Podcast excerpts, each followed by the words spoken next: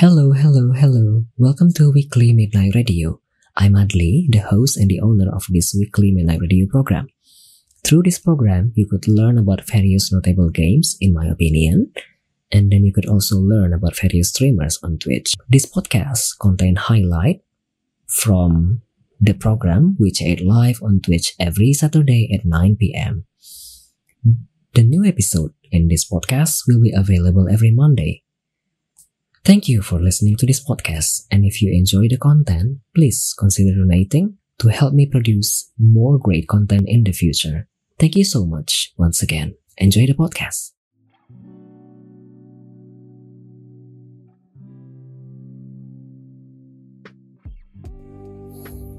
Sekarang jam 9.18 malam, selamat datang kembali di Weekly Midnight Radio episode ke-31. It's currently 9:18 p.m. Welcome back to Weekly Midnight Radio episode 31. Ya kita tadi baru saja mendengarkan dua lagu. Tadi ada uh, Born This Way dari Lady Gaga, kemudian ada satu lagu lagi They Long to Be Close to You dari Carpenters.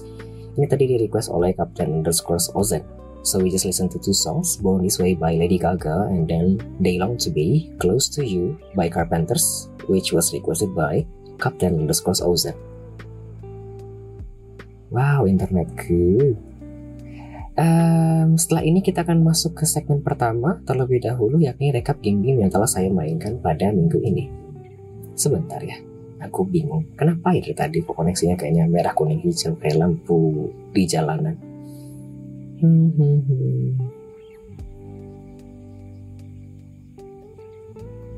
Oke, okay, saya lanjutkan ya biar tidak lama-lama nanti masuk ke segmen 2, 3, dan 4 uh, eh,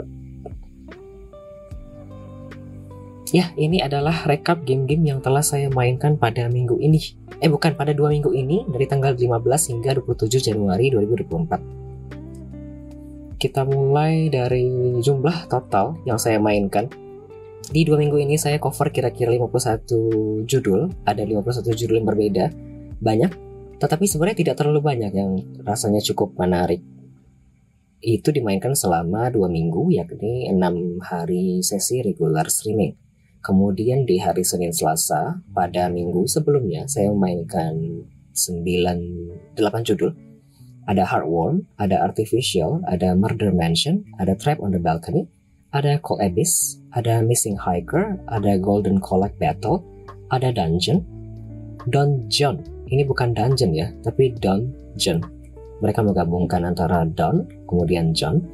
Lalu ada sesi Selas Rabu Kamis di minggu lalu ada Dead Horizon, ada Crossroad OS, ada Roots of Yggdrasil, ada Rising Hell Prologue, kemudian ada Stranger in Utopia di Diva, kemudian ada ini apa ya panjang dari Polandia, lalu ada Lost in the Open, Kemudian di sesi Jumat Sabtu saya mainkan kira-kira 8 judul lagi. Ada Anti-Pain, ada Once Upon a Jester, Bzz, kemudian ada A Strange Hotel, Holidays in Krushvesk, Nightmare at Famine Springs, Paris Transylvania, serta Run Mr. Robo. Lalu di sesi minggu ini, Senin Selasa saya mainkan 9 judul lagi. Ada A Highland Song, ada Raku Venture, lalu ada Moonshine Incorporation, 8-Bit Horde, lalu ada Miselium Heaven, ada Bulwark, Falconeer Chronicles, ada The Cauldron Kids, The Summoning of Mr. Ver Vermicelli, lalu ada Omega Crafter, ini beta versionnya, lalu ada game menggambar, You Draw, I guess. Kemudian di sesi Rabu Kamis saya mainkan 9 judul lagi, ada In the Rural Village of Nagoro, Life's Adventure, Bardic Cast for Love, 8-Bit Invaders, ada Professor Good Boys Ballistic, ada A Tiny Sticker Tale, ada Asterox, Timberborn, serta Turnip Boy Robs the Bank. Terakhir, tadi malam, sesi Jumat Sabtu, ada A Ground Zero, Trash Goblin, Rising Lords, Cyber Paradise, lalu Cat Survivors, Baker Street Breakouts, Snowman Story, The Light in the Darkness, serta Seraph Last Time. Sudah, banyak ya kalau dibaca-baca dari tadi. Ada 51 judul yang dimainkan selama dua minggu. Cukup banyak, tetapi tidak terlalu banyak sebenarnya yang cukup menarik perhatian.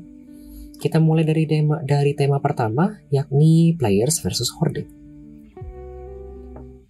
Banyak banget. Iya, karena aku tidak rekap dalam dua minggu, jadinya banyak kesannya. Kita masuk ke tema pertama, player versus horde. Keren. Makasih. Aku rasa aku tidak keren-keren kali, tapi terima kasih, Kapten. Kita masuk ke tema pertama, yakni player versus horde. Ini judulnya Turnip Boys Robs a Bank. Merupakan franchise terbaru dari Turnip Boys. Sudah banyak sebenarnya game-game keluaran dari Turnip Boys. Dan konsepnya masih sama. Kita bertindak sebagai turnip ini, kemudian nanti akan diberikan cash tertentu. Contohnya di sini kan harus merampok bank ya dalam waktu tertentu. Di sini misalnya diberikan lama kalau tidak salah 2 3 menit. Kemudian harus harus bisa selesai mengumpulkan segala uh, item yang ada, segala uang, segala cash, kemudian harus bisa mempertahankan diri dari musuh. Lucu, iya lucu sih. Aku sudah beli game yang pertama, yang Turnip Boys apa ya aku tidak salah. Tapi aku tidak belum main, Kapten. Dan ini alhamdulillah disponsori. Jadi aku baru bisa cover di saat ini. Bagus, menarik, dan rasanya tidak terlalu berat kalau mencari game-game yang tidak berat. Kemudian masih di tema yang sama, ada game judulnya Asterox. Dari poster sebenarnya ini tidak terlalu menarik ya. Kayak bulat-bulat doang. Dan tema yang diusung sebenarnya kan Beaver Horde ya Artinya player hanya perlu sendirian, kemudian nanti harus bisa mempertahankan diri dari serangan musuh yang jumlahnya begitu banyak. Tapi di sini konsepnya lebih menarik karena mereka itu menggabungkan uh, cerita Pluto, di mana Pluto itu tidak dianggap sebagai planet lagi, sehingga Pluto ingin membalas dendam dan Pluto sekarang harus bisa mempertahankan diri dari serangan para asteroid, para musuh, begitu. Beda dengan genre Bullet Heaven yang biasanya kita upgrade senjata ya. Di sini sebenarnya mekanismenya lebih ke sini. Kita.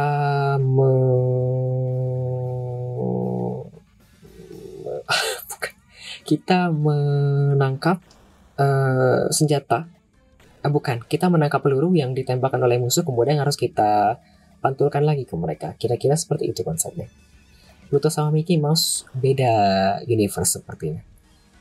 Tapi ya kira-kira seperti itu. Agak bingung sebenarnya karena menarik, tetapi seketika ganti karakter berganti mekanisme dan susah untuk dipahami. Begitu. Tapi menarik, makanya tetap saya masukkan ke pada minggu ini. Kemudian kita masuk ke game selanjutnya. Ada genre point and click. Ada dua game kalau tidak salah di genre ini. Yang pertama ada Trap on the Balcony. Ini gratis. Bisa di-download di itch.io dibikin pakai apa ya kalau tidak salah? AGS kalau tidak salah. Simple. bagus. Tetapi agak pusing sih sejujurnya. Ini mirip dengan Shards of God secara sekilas. Dan ceritanya basically hanya menceritakan tentang seorang perempuan yang terperangkap di luar kamarnya dan harus bisa kembali ke dalam kamarnya kembali begitu. Tapi harus melewati berbagai rintangan seperti harus naik ke atas atap kemudian harus turun melalui ini melalui apa ini namanya? Ah, aku lupa. Tabung apa yang untuk AC kemudian nanti harus bisa mengumpulkan beberapa hal lainnya di luar untuk bisa mendapatkan kepercayaan dari orang di yang menjaga kunci di bagian depan. Macam game sleepwalking, game flash zaman dulu. Iya, kira-kira seperti itu. Aku lupa, tapi AGS yang aku bilang di awal tadi, engine-nya itu kalau tidak salah gratis, dan bisa digunakan untuk bikin game point and click secara gratis, kalau tidak salah. Begitu, ada beberapa game yang bagus-bagus sebenarnya dari genre ini, ya dari engine tersebut. Contohnya yang tadi, Shards of God, tapi aku tidak main di saat ini kan ya. Kemudian kita lanjutkan ke masih di tema yang sama. Ini aku mainkan tadi malam. Hmm, ini main gamenya full, tetapi menyayat hati sih sebenarnya. Tidak susah sebenarnya, hanya walking simulator point and click karena mengkontrol karakternya hanya cukup dengan klik klik klik klik dengan mouse dari satu area ke area lainnya. Jadi tidak susah sebenarnya, cuma cerita yang disampaikan itu menyayat hati sejujurnya. Banyak hal-hal yang menyayat hati lah ya yang tadi malam. Dan full gamenya kira-kira 2 jam. Ya ini adalah game terbaru paling baru yang dikeluarkan oleh uh, developer Cat. Sebelumnya developer yang sama telah mengembangkan beberapa game lain seperti Bears Restaurant, Fishing Paradiso, kemudian Max Monster. Dan ini bagus.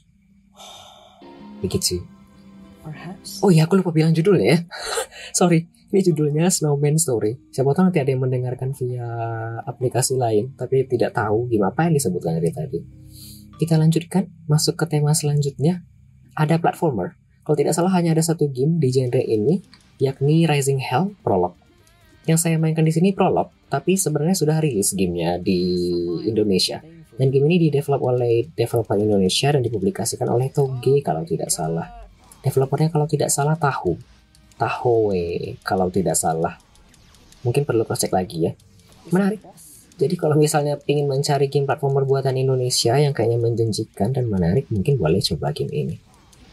Gamenya bagus, meskipun agak-agak susah di awal, tapi seiring waktu bisa dipahami mekanisme cara mengkontrol karakternya agar bisa bertahan dari serangan para musuh. Kita masuk ke tema selanjutnya. Selanjutnya ada naratif, musikal atau rhythm. Kalau tidak salah ada dua atau tiga game di genre ini. Yang pertama ada Once Upon a Jester.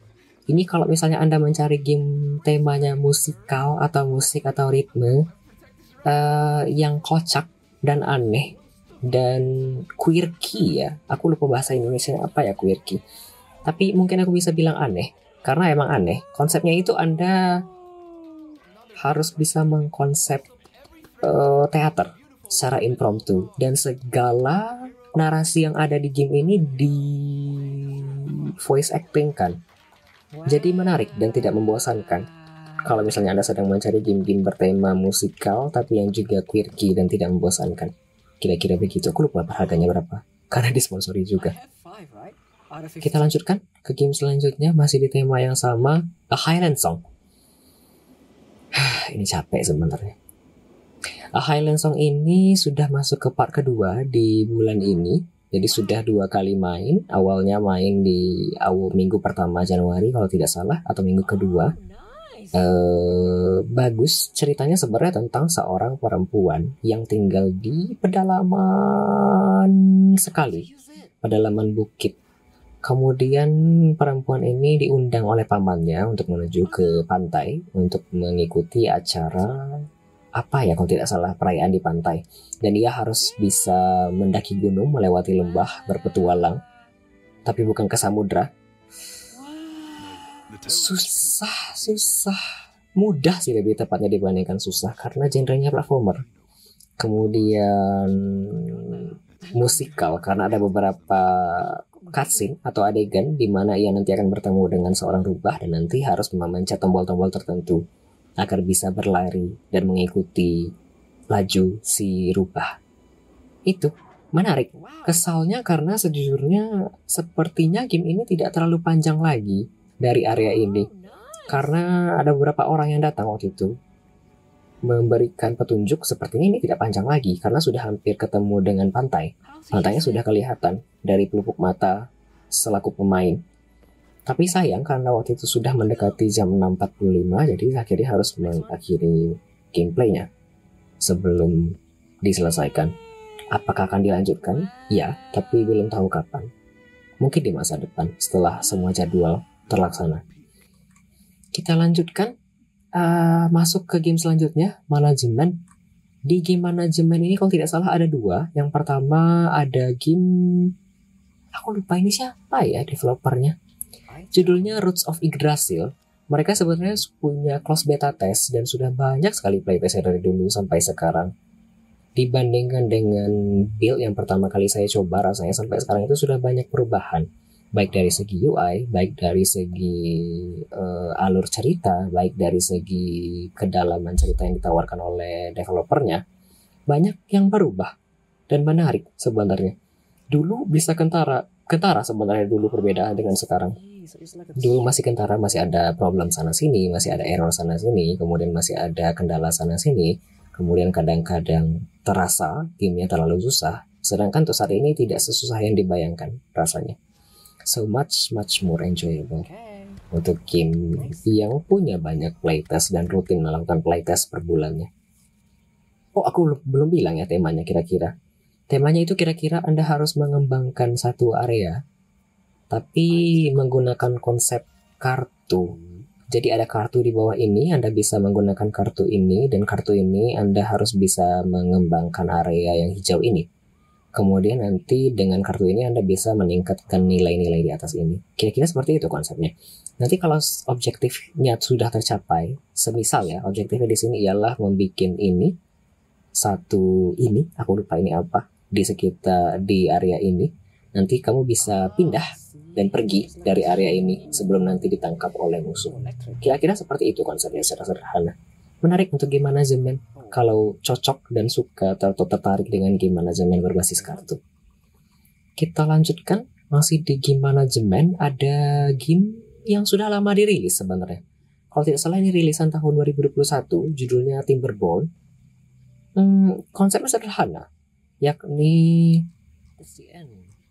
hmm, pengembangan area di mana Anda harus memanage uh, barang-barang. Itu saja sebenarnya konsepnya. Di sini challenge-nya itu kadang-kadang ada siklus uh, kering dan ada siklus panas, eh siklus yang berair dan ada siklus yang kering. Itu saja sebenarnya. Tidak ada kendala yang berarti sebenarnya dan mereka itu sebenarnya kontak lagi untuk aku cover gamenya lagi. Dulu terakhir cover game ini sepertinya pertengahan tahun 2024 dan dikontak lagi karena mereka ada update paling baru, update kelima. Sayangnya di update yang kelima yang terbaru ini, basically semua progres yang telah dikerjakan dahulu kala itu hilang. Aku bingung ke mana sebenarnya kenapa mereka memutuskan hal seperti itu. Tetapi sebenarnya mereka juga menyebutkan bahwa mekanismenya ada beberapa yang disederhanakan dan diimprove atau diperbaiki. Mungkin karena itu alasannya kenapa mereka memutuskan untuk membumi hanguskan segala progres yang telah tersimpan di update-update sebelumnya. Menarik. Dan rasanya di dunia gamer ini kayaknya sudah populer game ini dan sudah banyak yang mengetahui game ini serta sudah banyak modnya juga kalau tidak salah. Dulu ketika mainkan game ini di update keempat sepertinya ada yang komen kalau orang-orang kadang-kadang datang secara random ke stream bertemakan Timberborn dan itu biasanya cuma ingin lihat gimana ya kira-kira player tersebut mengembangkan uh, peradabannya. Wow, aku ngomongnya dari tadi tak tak tak tak tak tak ya. Sorry.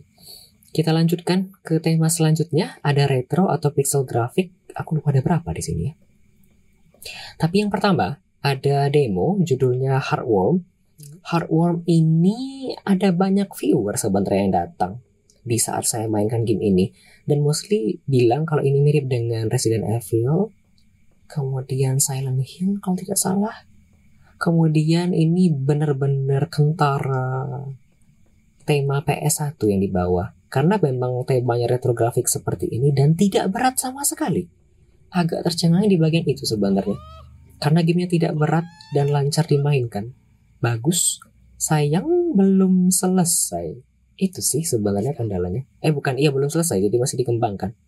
Kendalanya sih di situ doang ya, sebenarnya. Lah, loh. Laptopku. Oh, tidak. Tiba-tiba hang karena aku bingung. Ya, kira-kira seperti itu yang hardware. Ini bagus dan sejujurnya ya, aku ngelihat ada beberapa pemain dan streamer lain juga mainkan game ini setelah aku mainkan game ini. Seperti Bang S, lalu si A, kemudian ada siapa lagi ya? Tapi jadi sepertinya ini gamenya menarik menurutku. Hehehe. Kemudian kita lanjutkan masih di tema yang sama, retro atau pixel grafik. Ada game bertemakan pachinko. Uh, judulnya Paris Transylvania, A Pachinko Roguelike Deck Builder. Meng mengkombinasikan antara tema roguelike jadi Anda satu orang pemain harus bisa mengalahkan musuh-musuh yang ada di sebelah kanan ini dengan cara pegel. Sebenarnya aku lebih kenta, kenal dengan konsep pegel. Kalau melihat ini, saya suka roguelike. Saya juga sepertinya bang. Ini sebenarnya saya lebih kentara, bukan bukan kentara, tapi lebih kenal dengan konsep pegel sepertinya. Karena selaku anak kelahiran 90-an game yang menembak-nembak bola seperti ini namanya pegel. Tapi ternyata orang lain justru lebih familiar dengan konsep pachinko. Mungkin ya.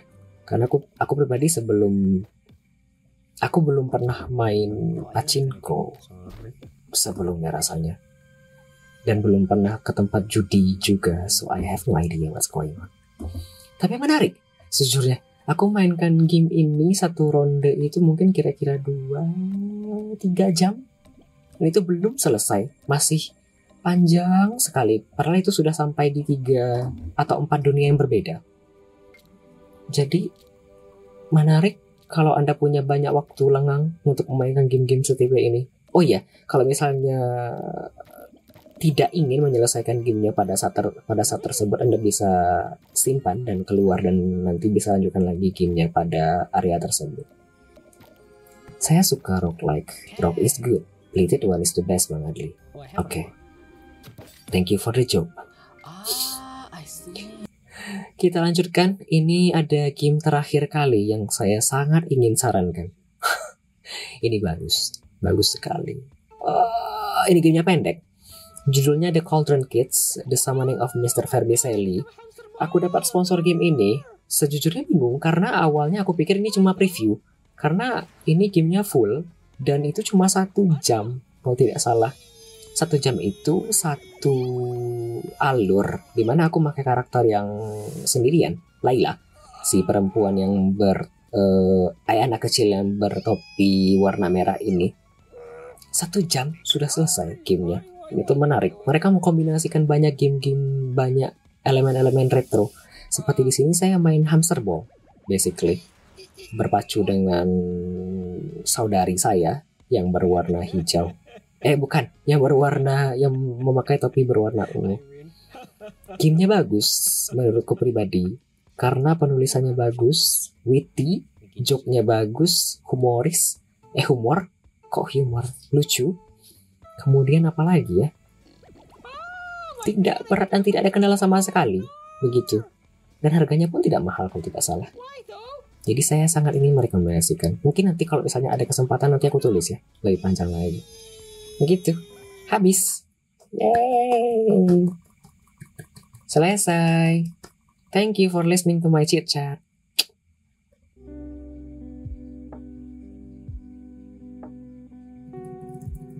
Sudah selesai rekap game pada dua minggu ini. Terima kasih banyak telah mendengarkan saya bercuap-cuap dari tadi. Halo, halo. Halo Bang SB. Halo Tempe. Ada yang ketinggalan lagi kah yang belum aku sapa? Tidak. Halo. Halo, halo. Ya, cukup. Tidak ada lagi yang mau disampaikan di rekap game-game pada minggu ini dan sudah selesai.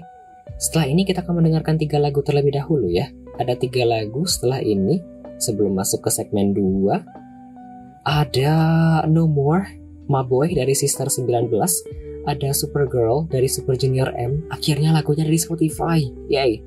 Lalu ada Love 119 dari Rise. Setelah itu kita akan masuk ke segmen kedua yakni Get to Know More about Adli underscore HM selaku host serta bintang tamu pada malam hari ini uh, mungkin mau mengingatkan pada para penonton dan para pendengar kalau misalnya ingin bertanya silahkan gunakan channel poinnya nanti 99 channel point saja. Kalau ingin eh bukan. Kalau ingin ngobrol secara langsung dengan Adli bisa gunakan channel poinnya juga 369 channel point saja. Kalau ingin request lagu juga silahkan gunakan channel poinnya 189 channel point saja. Itu saja Biar tidak panjang-panjang, silahkan menikmati tiga lagu selanjutnya, No More dari Sister 19, Supergirl dari Super Junior M, serta Love 119 Rising.